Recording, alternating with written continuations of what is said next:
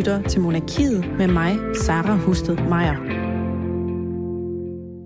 You've chosen to speak out for the first time.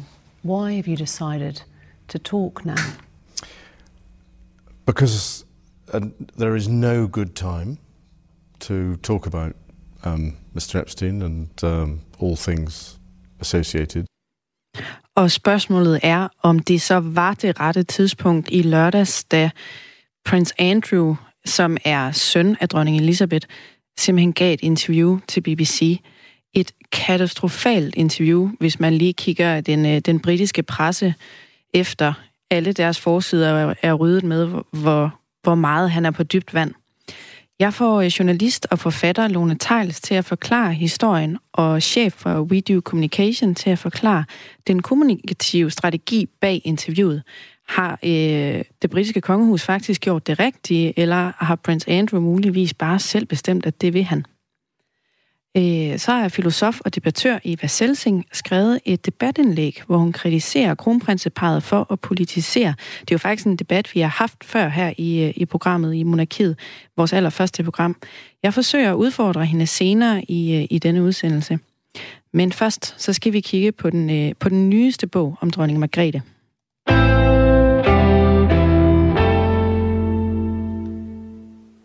Dronning Margrethe, hun fylder nemlig 80 år i 2020, øh, og i den forbindelse udkommer der en øh, helt ny bog om vores regent, og den hedder ganske enkelt Dronning Margrethe.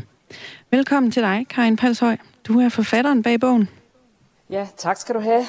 Tjekker vi lige. Det er, det er godt. Tjekker lige lyden af, som den skal være. Sådan. Ja, det er godt. Yes, jeg er med her. Det er godt. I, øh, i forbindelse med, med tilblivelsen af det her program, som jeg er øh, vært på, der lånte jeg en masse bøger på, øh, på biblioteket øh, om dronning Margrethe, og der er virkelig mange. Så sådan helt flabet, hvad, hvad er det nye i den her bog?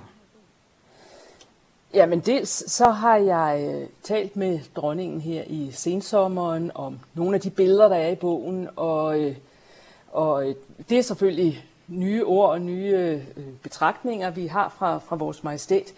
Men jeg synes, man kan sige, at sammenlignet med, med de rigtig, rigtig mange fine bøger, der findes om dronningen, så er det her jo en bog, der øh, jamen, på billedet, øh, ved hjælp af billeder giver et samlet billede af, af vores dronning og hendes næsten 80 år lange liv i masser af fantastiske fotos og, og korte tekster. Og jeg synes, man kan sige, der er jo, når man ser dronningens liv i billeder, så er der Danmarks historie, der er modehistorie, der er verdenshistorie, der bliver fortalt gennem, gennem billederne. Altså præcis de, de her billeder, som du, som du taler om, øh, fylder jo virkelig meget i bogen, og de er øh, sindssygt flotte.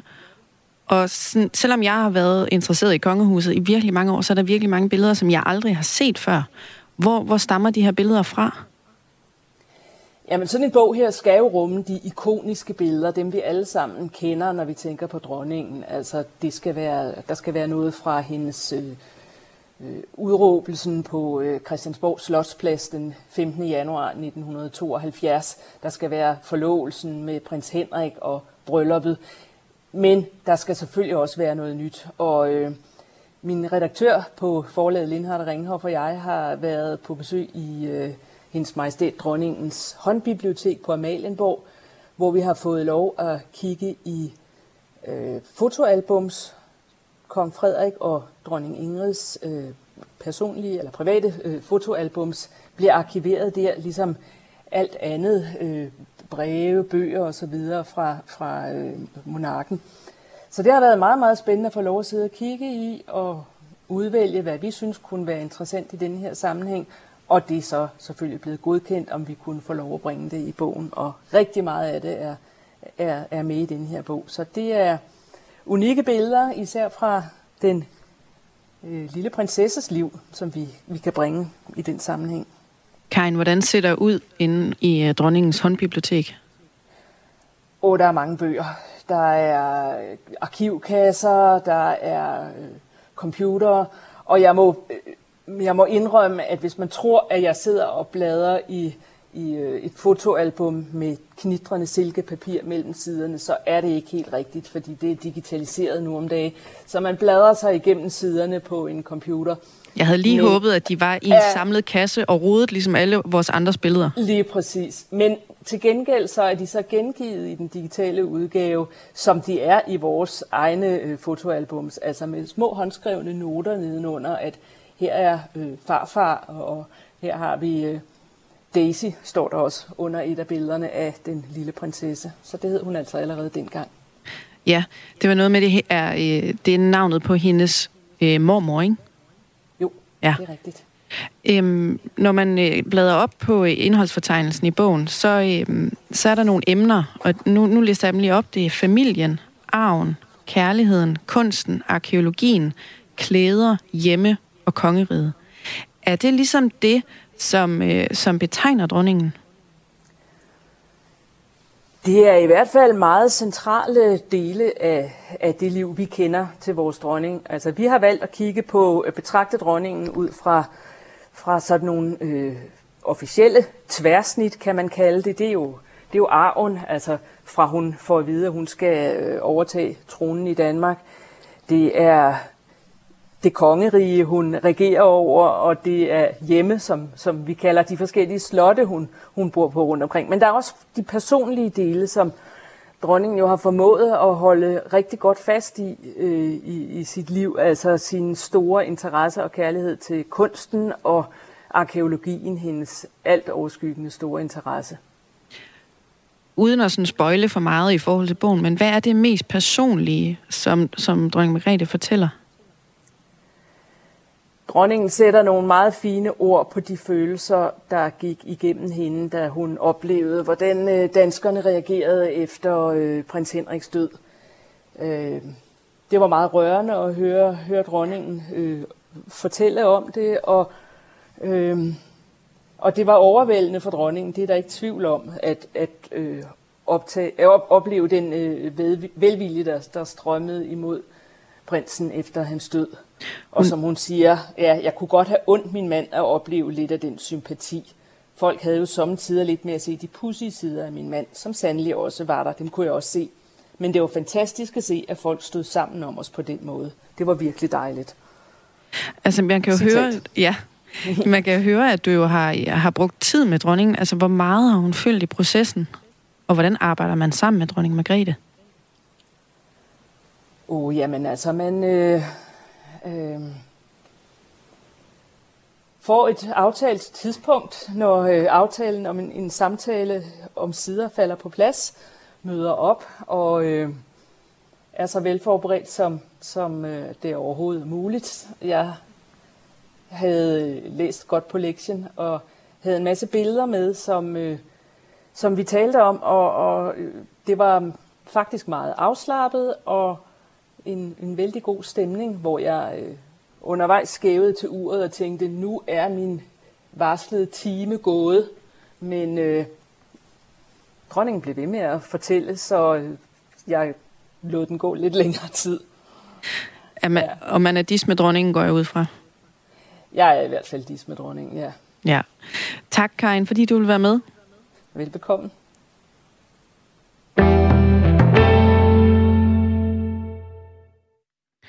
Og nu kan jeg så byde velkommen til Eva Selsing på en telefon. Så. Goddag. Goddag.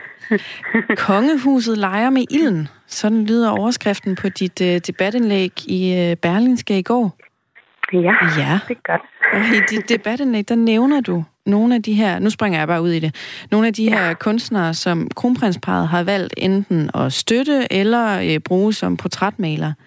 Du nævner mm. blandt andet Kasper Ejstrup fra bandet Kashmir, som jo mm. siden han er blevet, øh, blevet kunstner. Han har malet Frederiks portræt, da han blev 50.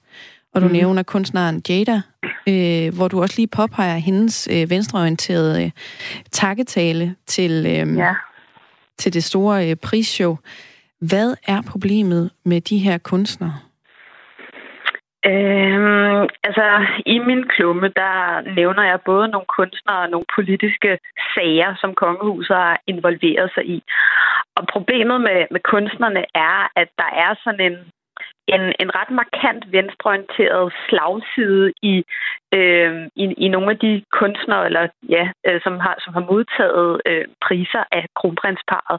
Det er folk, som, som ikke bare sådan er mainstream-røde, men som nogle gange lader til at være tilhængere af noget, der sådan er relativt radikalt, som for eksempel at mene, at der er et patriarkat, som skal, som skal, som skal rives ned, og der er et vidt overherredømme, som åbenbart i Danmark også øh, udgør en trussel. Altså det er nogle ret radikale, ret markante holdninger, som man så på en eller anden måde er med til at, om ikke andet så indirekte legitimere ved at, at give priser. Og man kan sige, kunstnere har også holdninger, og selvfølgelig øh, skal det i sig selv ikke afholde øh, forskellige autoriteter øh, fra at, at, at give en form for anerkendelse. Det, det, det er klart, men der er en ret markant venstreorienteret slagside, og jeg synes, at manglen på pluralisme i det, man vælger at, øh, at, anerkende, den er, den er markant.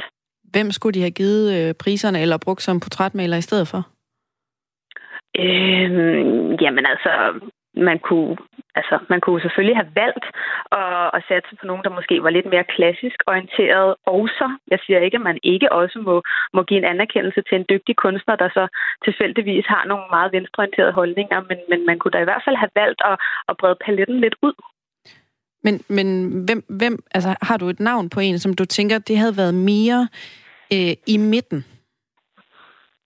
Altså kunstner er jo øh, som klasse generelt mere venstreorienteret end, end befolkningen tænker jeg.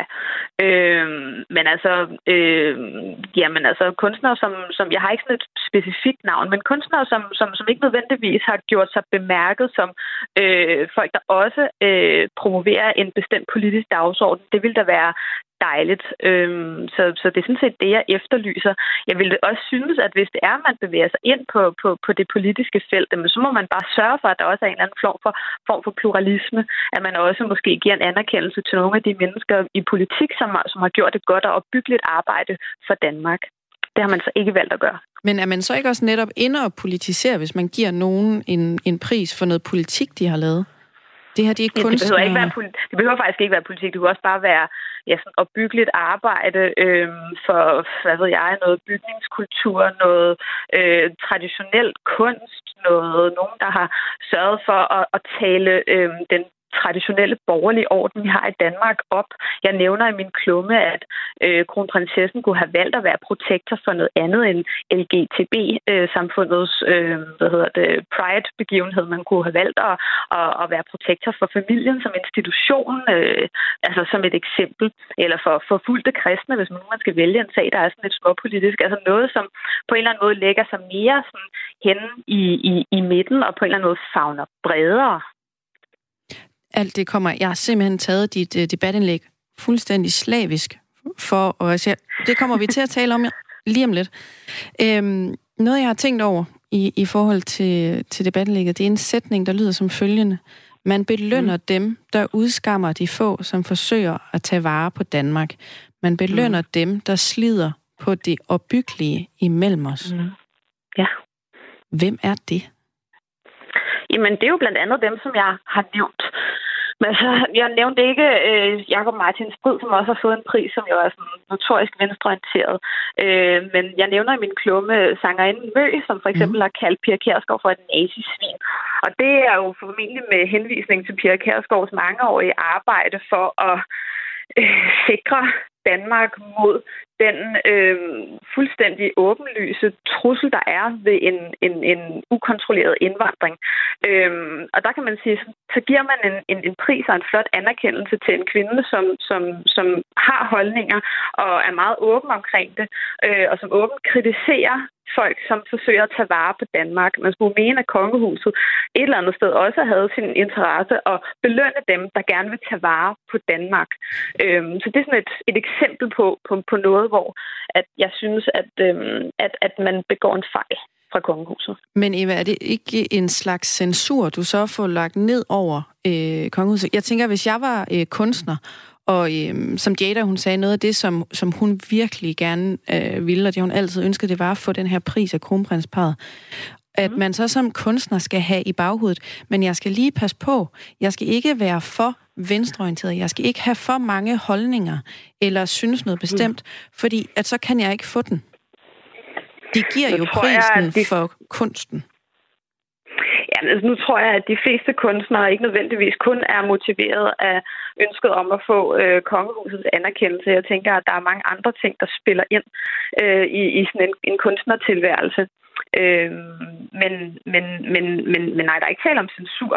Øh, det, det kan jeg ikke se. Jeg øh, fremlægger en kritik, fordi jeg synes, der er en voldsom slagside. Jeg kunne bare godt tænke mig, at man fra kongehusets side så måske også øh, gik ind og støttede noget, der var mere traditionelt. Så det ikke kun var de her venstre-radikale opløsningsprojekter øh, repræsenteret ved forskellige kunstnere, der øh, fik de her øh, fine priser. Ja, du skriver også, at øh, det med, at kronprinsparet kastede sig øh, helhjertet ind i kampen for eller er det imod klimaet? Klimamiddag, bæredygtighedsoptrædener og kronprinsessen har oven i købet lovet at købe mindre tøj af hensyn til vejret. Rent politisk. Siger, rent politik, undskyld. Hvorfor mm. er det dårligt, at de forsøger at være klimavenlige? Det er ikke dårligt øh, som sådan. Øh, altså, man kan være enig eller uenig med, med, med, med klimasagens forskellige proponenter. Øh, men, men, men det er da et stykke politisk arbejde. Jeg synes, den del er mindre øh, slem end nogle af de andre. Men det er sådan set også sådan aggregatet, det er sådan en sammenlægning af alle de her forskellige ting, der har gjort, at jeg har følt mig nødsaget til at skrive klummen. Øh, men, men, men, men altså, klimadagsordenen er jo en politisk dagsorden. Altså, så det er det bare. Så der er et eller andet sted en, en fravielse fra princippet om, at kongehuset skal holde sig ude af, af politik og ligesom stå, stå over det. Men, men er kongehuset ikke også nogen, som skal repræsentere os og være øh, forbilleder og være øh, med i tiden? Og jeg tænker lige jo. præcis klimaet, det er jo det, som vi alle, eller i hvert fald rigtig mange af os, gerne vil gøre noget ved. Altså vi vil gerne øh, ligesom levere en fin jord til vores øh, børn og børnebørn. Og det er vel præcis det eksempel, de sætter. Jamen, der er mange. Selvfølgelig kan man tale for, at forurening er dårligt, og vi skal passe på kloden. Det er sådan set en, en, en ganske fin øh, mærkesag at have. Det synes jeg sådan set er udmærket. Øh, det, som, som, som jeg synes er øh, fare ved det her, det er jo selvfølgelig, at kongehuset helst gerne i et eller andet mål selvfølgelig skal følge med tiden.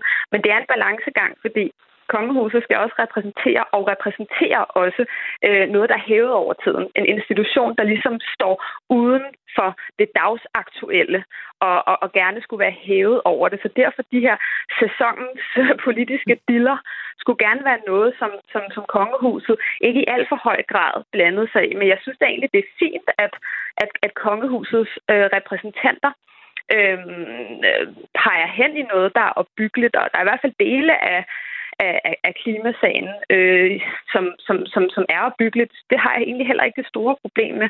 Øh, som sagt, så det, der ansporer mig til at skrive den her klumme, det er samlingen, altså den store mængde af ting, som jeg synes øh, peger i retning af kongehuset, øh, gerne vil markere sig på, på nogle sådan progressive områder, hvor jeg for det første ikke tror, at de i det hele har en synderlig stor folkelig opbakning.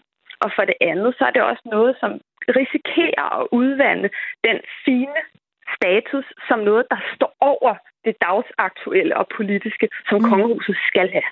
Men tænker du ikke, at, øh, at at passe på klimaet er en folk, at der er en folkelig opbakning til det? Man kan vel ikke diskutere, om, om klimaet altså, er på vej øh, ned ad bakke? Det er det jo.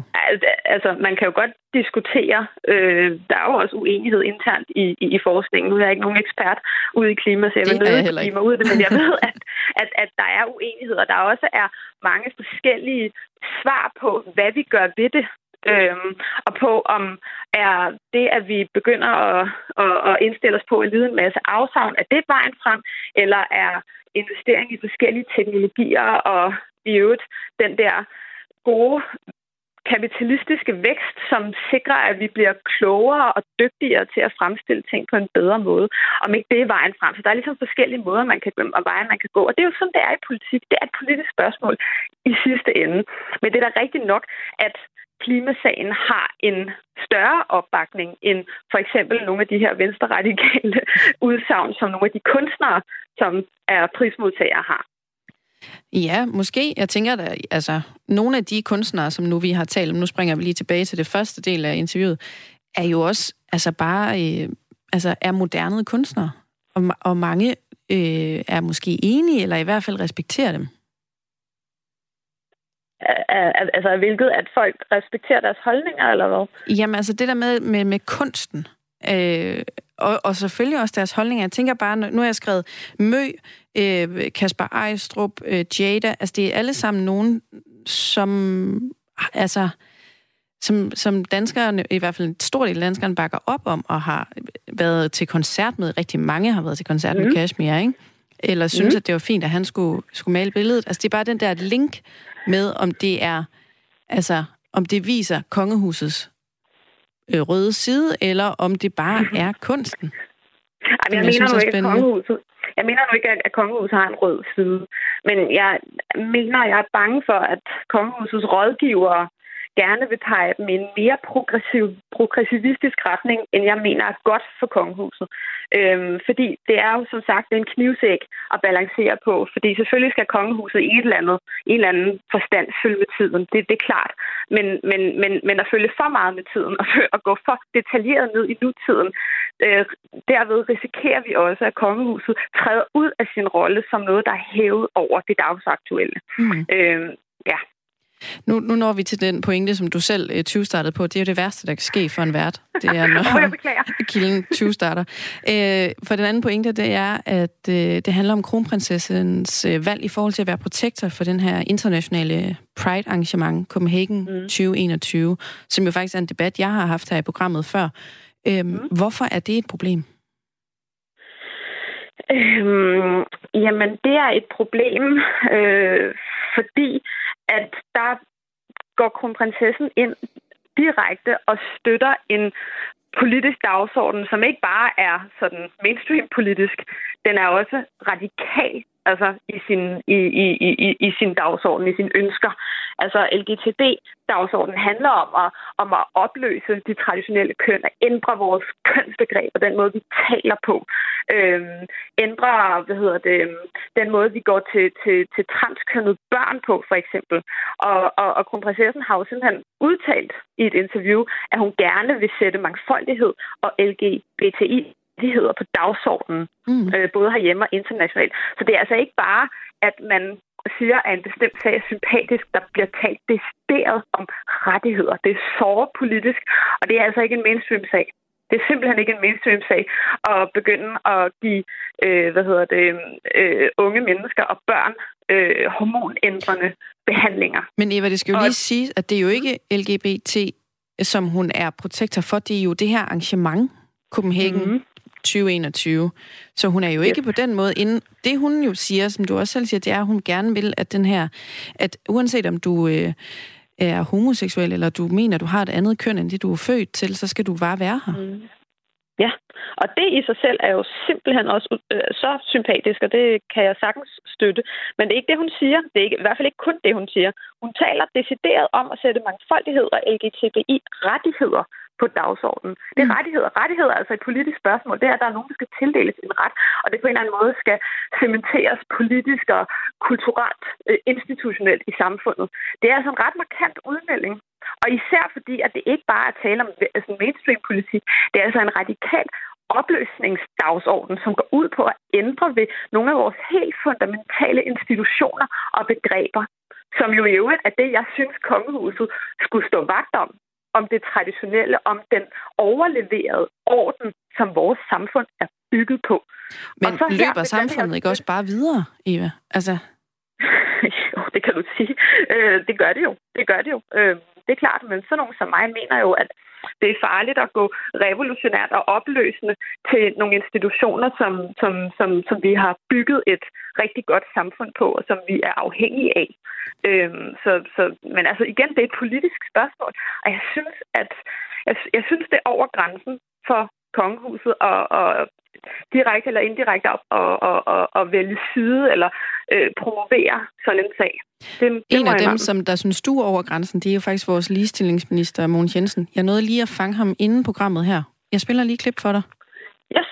At jeg mener, hun er fuldstændig øh, galt øh, afmarcheret øh, i forhold til at problematisere, at, at kronprocessen og, og kongehuset ligesom bakker op om en, en aktivitet som Copenhagen øh, 2021, som jo er øh, en manifestation af øh, øh, menneskerettigheder, når det kommer til det, at, øh, at vi skal have lov at, at være de mennesker, øh, vi er, øh, uanset øh, øh køn eller seksuel orientering eller kønsidentitet, og der skal ikke være mennesker, der diskrimineres på baggrund af det. Det er jo det signal, øh, kronprinsessen sender ved at være protester for Copenhagen 2021. Øh, og så synes jeg ikke, det hører nogen steder hjemme at øh, Eva Selting siger, at det, det, det handler om at lege med ilden, det her. Øh, jeg mener, det er helt forkert, fordi på den her måde, der viser øh, kongehuset, at det er et kongehus af, af tiden. Øh, jeg mener, de viser, øh, viser vejen, øh, og netop øh, manifesterer øh, nogle, nogle øh, efter min opfattelse, fuldstændig danske værdier, øh, øh, om, at, øh, at øh, vi skal øh, være ligestillede mennesker, øh, uanset hvilken baggrund øh, vi, vi, vi har. Har Mogens Jensen ikke en pointe i, at det, som kongehuset gør nu, det er at repræsentere de danske værdier. Det er det, vi har kæmpet for, jeg ved ikke hvor mange år, at man uanset øh, køn eller øh, seksualitet, skal have lov til at være en, øh, en del af samfundet på lige fod med alle andre. Ja, jo, vi skal bare være enige om, hvad det er, vi taler om, fordi en ting er, er ligestilling og lige øh, muligheder. Det, hvad hedder det, det synes jeg i udgangspunktet, det, det, det er en fornuftig og positiv sag. Øh, men, men det er jo ikke det, som kronprinsessen gør her. Hun taler jo decideret om rettigheder og taler ind i LGTBI-dagsordenen. Og der bliver man jo nødt til så at gå til autoriteten på det område. Og det er selvfølgelig LGTB-foreningen i Danmark, dem der altså, øh, hvad skal man sige, øh, kæmper den her øh, kamp. Og der kan man jo ind på deres hjemmeside læse, hvad det er, de mener med de her rettigheder. Det er altså blandt andet sådan noget med at give hormonbehandling øh, hvad hedder det, til, til, til børn. Og jeg tror bare, du vil finde meget få almindelige danskere, der synes, at det er en god sag. Mm. Og det er simpelthen ikke rigtigt det, som ligestillingsministeren siger, at, øh, at, at, at, det er, at det er en dansk værdi. LGTBI-dagsordenen er ikke en dansk værdi. Det er en radikal politisk dagsorden.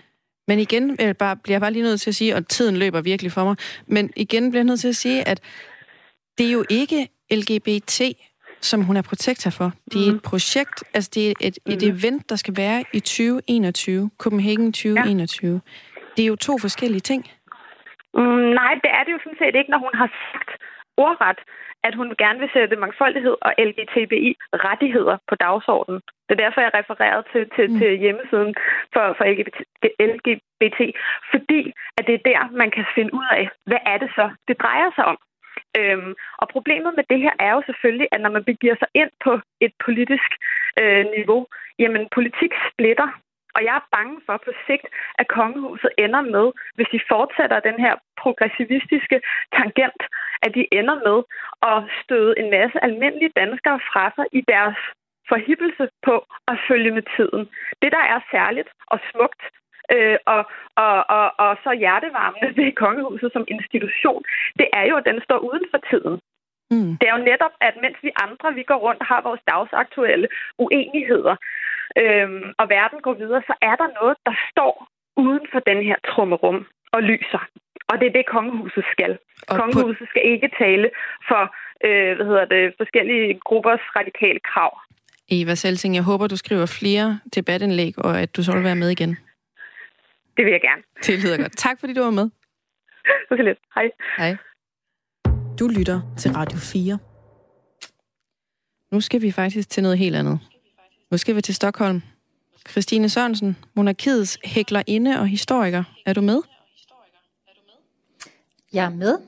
Der er og lidt... kan høre mig? Ja, jeg kan sagtens høre dig. Der er lidt genlyd, tror jeg. Er der for meget genlyd? Nej, vi kører med det. Hvor står du lige nu? Jamen lige nu er jeg flygtet ned i en kælder på en restaurant, fordi det regner faktisk ganske meget heroppe i Stockholm. Det er en mørk novemberaften, som det også var for 499 år siden, da Christian den anden, han slagtede, henrettede sig, ja. øh, 82 svenske adelsmænd. Christine, kan jeg, kan jeg lige få dig til at skrue lidt op på din telefon? Nu har jeg skruet op. Jeg kigger ud på min producer og ser, om det virker. Min producer og ser, om det virker.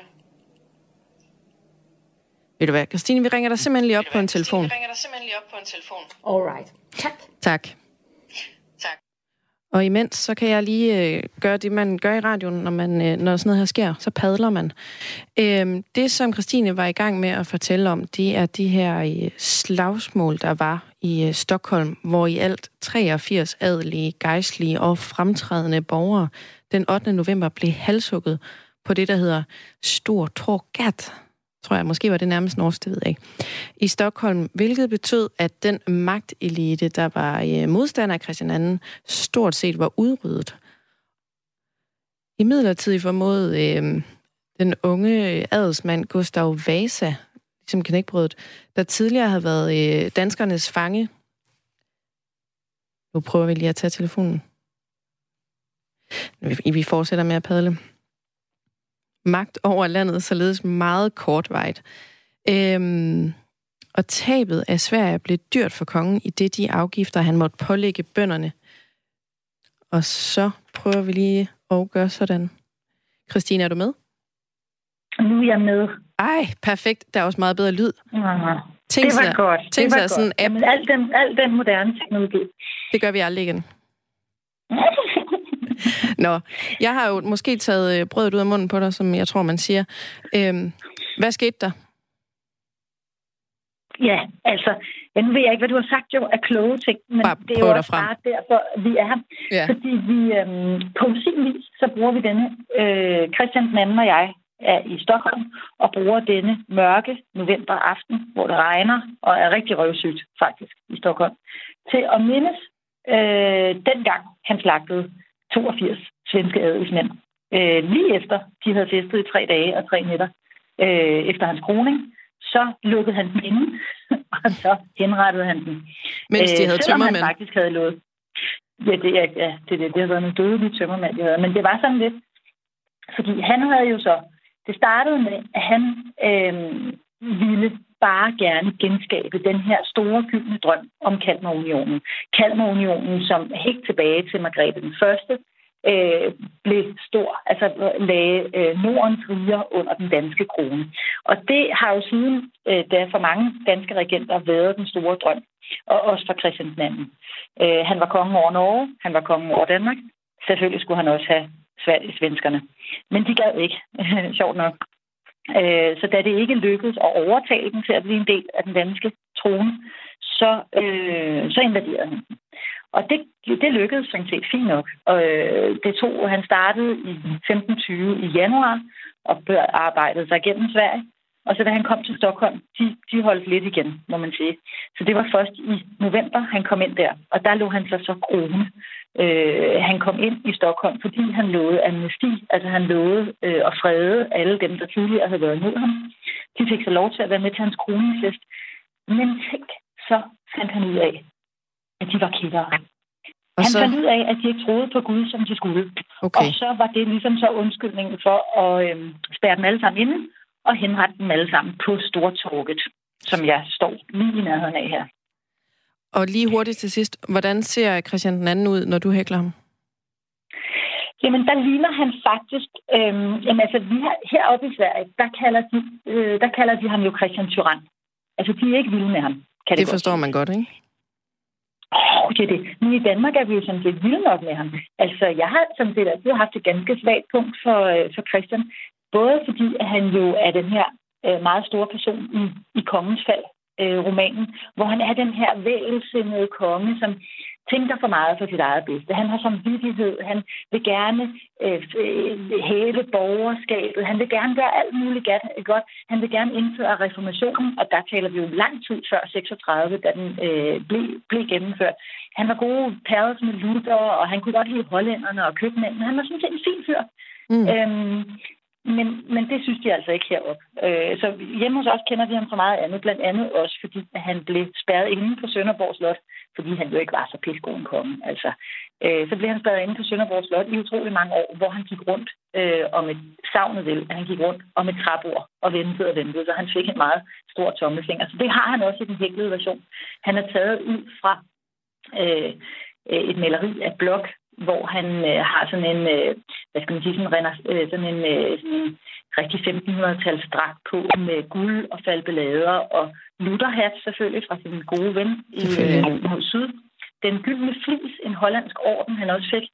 Øh, han havde jo gode kontakter til Holland. En svigermor i Holland også, mor Sigrid. Og så har han en ualmindelig stor tommelfinger. Og, og på i det... dette tilfælde vender nedad. Altså. Sådan. Og på, øh, på det sidste her, så lægger jeg simpelthen på til Stockholm. Kan du det høre? gør du. Det gør jeg. Der er simpelthen noget med lyden nu. Alright. Men vi snakkes ved næste uge. Det er godt. Det er godt. Hej. Du lytter til Monarkiet med mig, Sara Husted Meier. Lørdag aften gav hertugen af York, Prince Andrew, søn af dronning Elizabeth, et interview til BBC. Det handlede blandt andet om forholdet til milliardæren Jeffrey Epstein, men også om kvinden Virginia Roberts, der i 2015 fortalte, at hun blev tvunget til at have sex med den 59-årige prins tre gange mellem 1999 og 2001. I 1999 var hun øh, blot 17 år gammel. Lone Tejls, journalist og forfatter, øh, tak fordi du var med. Det var så lidt. Kan jeg få dig til at, øh, at starte med at give et portræt af, af Prince Andrew? Jamen, Prince Andrew er jo, øh, man kan sige, en af, en af de øh, mange øh, mennesker i det britiske kongehus, som ikke rigtig har nogen defineret rolle. Han er jo selvfølgelig ikke øh, den ældste. Øh, prins Charles, som jeg ved på et eller andet tidspunkt, når øh, dronning Elisabeth en dag øh, ikke længere er blandt os, jamen, så bliver han dog trods alt konge. Prins Andrew har lidt sværere ved at finde sin plads i den her verden, kan man sige. Øh, som ung, så var han jo sådan lidt af en party øh, fyr, og så blev han jo gift øh, med Fergie, som hun hed i folkemåne, og de fik to døtre, men øh, ægteskabet holdt ikke. Øh, det blev jo så en af de første skilsmisser i, det, øh, i kongehuset, eller i hvert fald en af de mest markante øh, skilsmisser. Han kommer jo faktisk selv ind på i interviewet, øh, hvor journalisten siger, at han jo bliver kaldt partyprinsen, og han siger, at jeg har ikke festet særlig meget. Er det rigtigt? Altså, det, det er jo svært at sige, men det er i hvert fald ikke det indtryk, den øh, britiske øh, befolkning, som læser tabloidaviser, øh, sidder tilbage med. De sidder tilbage med en mand, som øh, indtrykket af en mand, som i den grad har nyt øh, sin øh, ungkarlige status, både da han var yngre og så senere hen, øh, efter han blev skilt. Hvis vi, jeg tager lige noget hurtigt fakta omkring øh, ham her, Jeffrey Epstein, som det, jo, det hele jo i virkeligheden lidt handler om. Øh, han var en amerikansk øh, finansmand, og han var i mange år en succesfuld forretningsmand, og hans formue opgøres til flere hundrede millioner dollars. Epstein han anklagede sig i 2008 skyldig i rufferi, hvor øh, en af personerne var under 18, og han erklærede sig skyldig i rufferi for, at han ikke skulle have den her pædofili øh, øh, hvad hedder det, dom på sig, så han fik en, en mildere straf. Øh, det her interview, der er ligesom flere ben i det, men lad os lige starte med, med selve problemet. Hvornår kommer Prince Andrew i søgelyset i forhold til Jeffrey Epstein og, og sagen om det her trafficking af meget unge kvinder? Jamen, øh, altså han har jo igennem noget tid, øh, da den her sag kommer frem, haft en eller anden form for venskab med Jeffrey Epstein. Og det øh, kan man jo så diskutere naturen af, og det blev jo også diskuteret under det her interview. Og der siger prins Andrew som jo, jo, vi var venner, men vi var venner i kraft af, at jeg kendte hans kæreste, og vi var altså ikke nære venner. Vi var venner, men vi var ikke nære venner. Men altså på et eller andet tidspunkt, så kommer den her forbindelse jo til offentlighedens kendskab. Og øh, det gør den jo blandt andet, øh, da efter den her dom, øh, som Jeffrey Epstein modtager, så øh, beslutter Prince Andrew sig så for, jeg ved ikke rigtigt om det her, fordi han har været udsat for pres, eller ikke været udsat for pres for sin familie, at det her venskab er i hvert fald ikke længere passende for en øh, konge. Og så i stedet for sådan set bare at øh, lade være med at tage en telefonopringning, eller hvad man nu gør, når man afslutter et venskab, så øh, beslutter prins øh, Andrew, at det bedste, han kan gøre, det er, og her bruger jeg hans egne ord, det er at lade være med at være en kylling, øhm, og så tage til New York, hvor han alligevel skal over og lave noget andet, øh, indlogere sig hos øh, Jeffrey Epstein, øh, fordi det ifølge Andrew er bekvemt og nemt. Og, øh, og der forklarer han så øh, øh, Jeffrey Epstein under en god tur, de har i Central Park, at øh, de skal så ikke længere have det her venskab, fordi det er ikke længere passende. Og, øh, og det bliver så for eksempel, øh, eller det bliver så eksempelvis øh, fotograferet af en eller anden form for paparazzi. Og det kommer man i øvrigt også ind på i det her indslag, altså at de går der sammen i parken og taler, øh, om det muligvis var noget, øh, Jeffrey Epstein øh, simpelthen havde arrangeret, for ligesom at lade det sive til pressen, at han i hvert fald stadigvæk havde magtfulde og kongelige venner. Ja. Øhm, Udover venskab, så handler interviewet også om øh, Virginia Roberts. Kan du lige først fortælle, hvem er hun? Jamen, hun er jo en ung kvinde, som er stået frem og har fortalt, at hun øh, blev seksuelt udnyttet af Jeffrey Epstein, og også øh, ved tre forskellige lejligheder har øh, været sammen med Cassandra seksuelt. Øh, og det fik hun simpelthen besked på at gøre, øh, fortæller hun. Og hun siger, at øh, beskeden var sådan helt konkret. Øh, gør det øh, for Prince Andrew, som du gør for, for Mr. Epstein. Og øh, hun har så fortalt om de her lejligheder, hvor de var sammen, og det har været ret øh, detaljeret. Og det er også noget, hun har afgivet vidneforklaring øh, om i retten i USA. Øhm, og det er altså sådan noget med, at øh, de for eksempel har øh, spist middag sammen. De har været på øh, sådan en privat natklub i London, der hedder Tramp. Og efterfølgende så har de så øh, været på en adresse, som tilhører en af Andrews venner. Mm. Det, der sker i interviewet, er jo, at han faktisk kommer med nogle, ja lad os kalde det undskyldninger i forhold til, hvordan det her ikke kan lade sig gøre. Nu prøver jeg lige at spille en af, en af sekvenserne for dig. Specific about that night. Mm. She described dancing with you No. and you profusely sweating, and that she went on to have bath, There's a, there's, possibly. a, there's a slight problem with, with, with, with, with the sweating um, because uh, I, I have a peculiar medical condition, which is that I don't sweat, um, or I didn't sweat at the time, and that was oh actually yes, I didn't sweat at the time because I um, ha- had suffered what I would describe as an overdose of adrenaline in the Falklands War when I was shot at. Uh, and I simply, it, it, was, it, was, it was almost impossible for me to, to, to sweat. Rune Sejls, har man nogensinde hørt det her før, den her forklaring? Nej. Øh, og det var også en af de ting, som ligesom øh, har overrasket folk meget. Altså for det første, så kan man jo spørge sig selv, om det i virkeligheden tilbageviser hendes udsagn. Altså hans påstand er, at øh, han svedte ikke lige på det tidspunkt, fordi han var blevet skudt på øh, øh, tidligere, da han øh, havde været i flåden. Og det har altså åbenbart øh, frataget ham evnen til at svede, som han så til sydland har fået tilbage nu, efter han har øh, gennemgået forskellige behandlinger. Øhm, det, altså, det, er jo, det er jo noget, som er virkelig svært at, at kontrollere, og måske også i virkeligheden tro på, og det er også øh, et spørgsmål om, hvorvidt det i virkeligheden er, hvad skal man sige, er smoking gun i forhold til at tilbagevise hendes, øh, hendes udsagn. Og så kan man også sige, at det er jo at komme meget, meget tæt på de kongelige, og ligefrem øh, sidde og høre, at de har haft øh, helt specifikke helbredsproblemer angiveligt. Øhm, altså, altså, det er jo et meget langt interview. Det var 50 minutter, og, og der er en masse undskyldninger også i forhold til, at den ikke, altså, der, øh, det kan ikke lige præcis være den 10. marts 2001, som øh, Virginia Roberts jo ellers har sagt, fordi der var han et andet sted i byen med sin datter, og det, det kan han bare lige huske, øh, og så videre. Der er sådan flere i, i den retning. Hvad? Ja, Ja. og der var han jo på Pizza Express, kan vi huske. Det er jo, øh, og det øh, sker meget sjældent, han kommer på Pizza Express. Det tror jeg sådan set rigtig nok, det sker meget sjældent. Øh, så det var så hans forklaring på, hvorfor han lige kunne sige, skulle huske den dag. Ja, og, og en anden forklaring på, at det billede, som der også, som, som jo har været verden rundt, hvor han står med armen omkring Virginia Roberts, det kan heller ikke rigtig være det, fordi han har aldrig været på første sal, og Epstein, han har aldrig taget et billede, han har aldrig set ham med et kamera. Der er sådan flere i den, i den dur, hvor man tænker, hvor konstrueret er det her? Men det, der, det jeg tænker, det er, hvad siger det britiske kongehus til det her interview? Har de været ude og melde noget ud?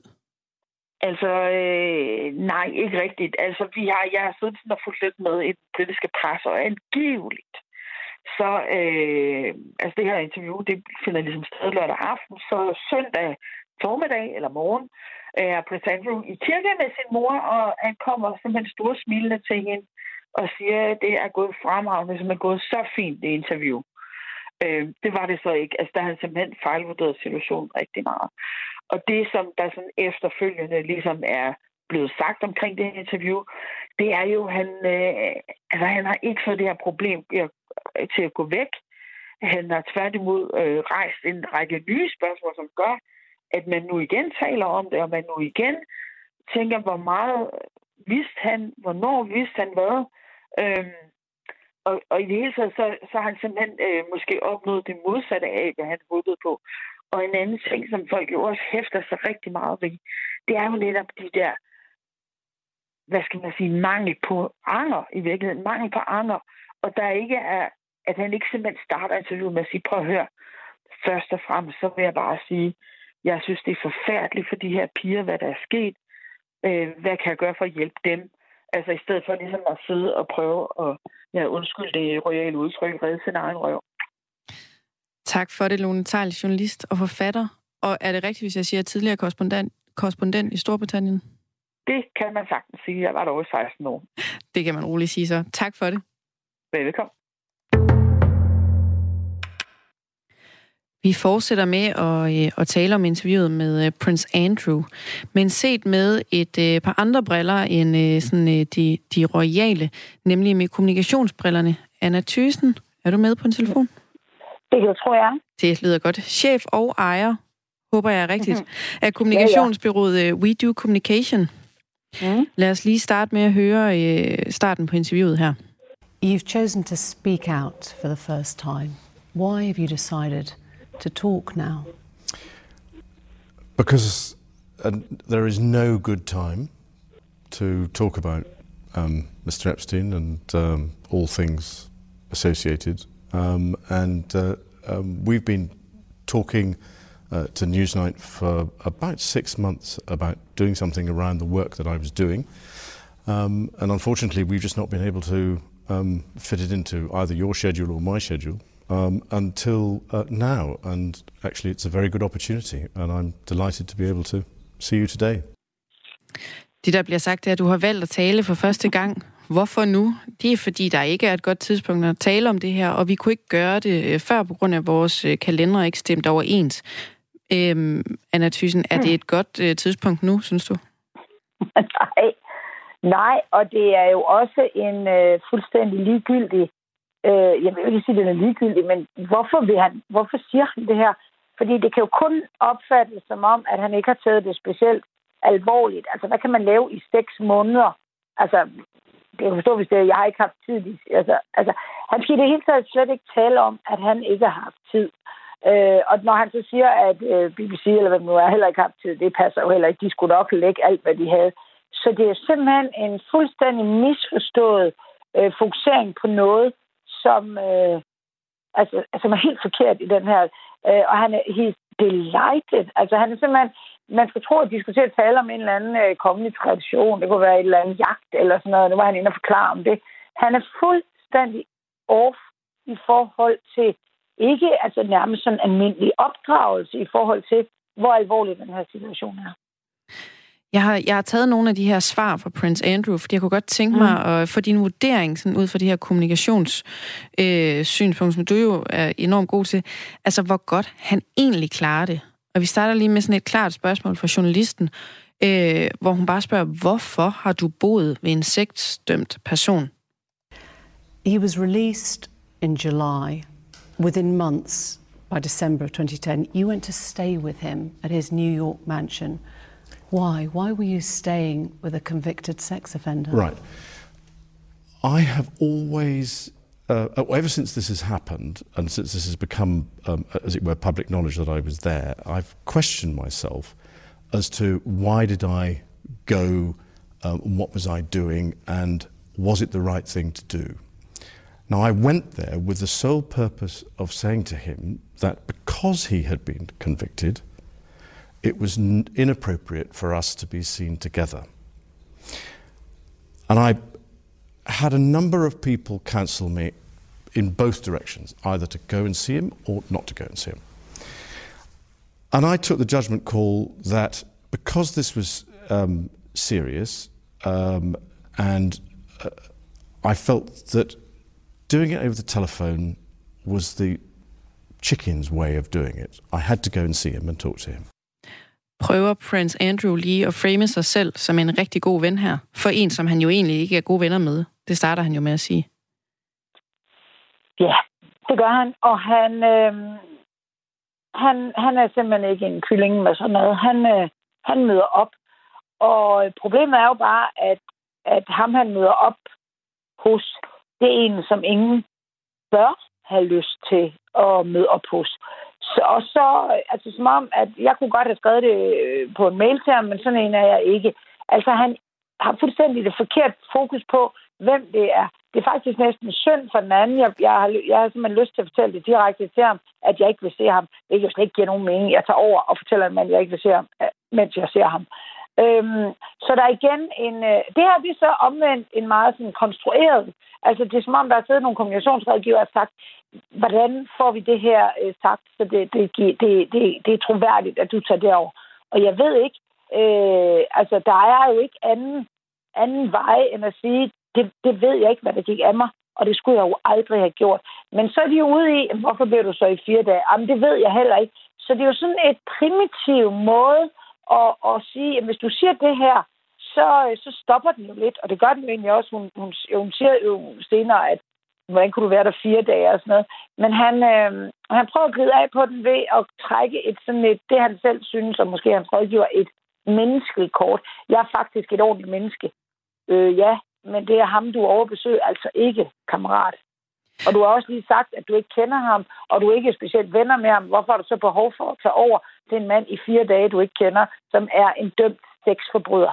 Det giver jo ingen mening. Der, der er ingen... Det er, jeg har aldrig været ude for noget så dårligt øhm, gennemført. Altså, samtidig med, at man kan se på ham, at han virker sgu som om, han har nogenlunde styr på det. Han sidder jo ikke og sveder, men du kan jo så selvfølgelig heller ikke. Nej. Øh, det er jo helt vildt. Jeg, jeg har aldrig troet, det var sådan noget, hvis man lavede sådan en, øh, en film med det her, og man havde indstuderet, så man siger, det gider jeg ikke se på, det er jo så langt væk fra virkeligheden, det kan, det kan ikke foregå det her.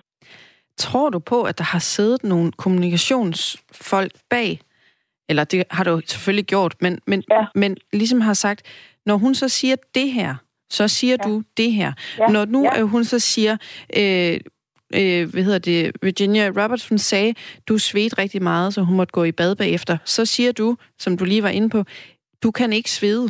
Og det siger han reelt, jeg kan ikke svede, fordi at jeg blev forskrækket i Falklandskrigen, og så er der noget med, at min svedproduktion er gået i stykker. altså, altså, ja, ja, men det er jo ikke, altså, det er jo nogle rådgiver. Du er der en rådgiver, der er skrevet, godt dog kun for to uger siden, eller hvad det nu er. Og øh, så jeg går ud fra, at enten har han sagt, nu kan jeg ikke mere. Det her det er jo simpelthen... Altså, eller, men der er nogen, der jo får penge, og som har committet sig til den opgave. Det er 100 på. Selvfølgelig er det ellers. Han har en kommunikationsafdeling i hoffet, og den havde, det kan man jo ikke have, hvis ikke de laver noget.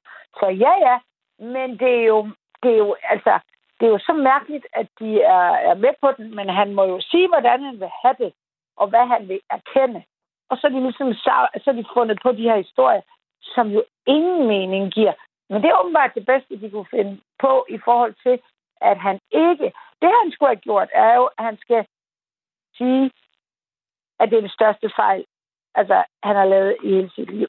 At han har plejet omgang med ham her, og så skulle han selvfølgelig sige, uanset om det passer eller ej, hvis, hvis, altså, det synes jeg jo ikke, men altså, så skulle han jo sige, at han kender ikke noget til det her. Og så bliver han nødt til at sige, at han er sammen med hende der damen, og at han, øh, han ikke kender noget til, hvad der er foregået, og hun var en veninde til Epstein. Altså, han, altså, jeg siger jo ikke, det er jo lige så dårligt.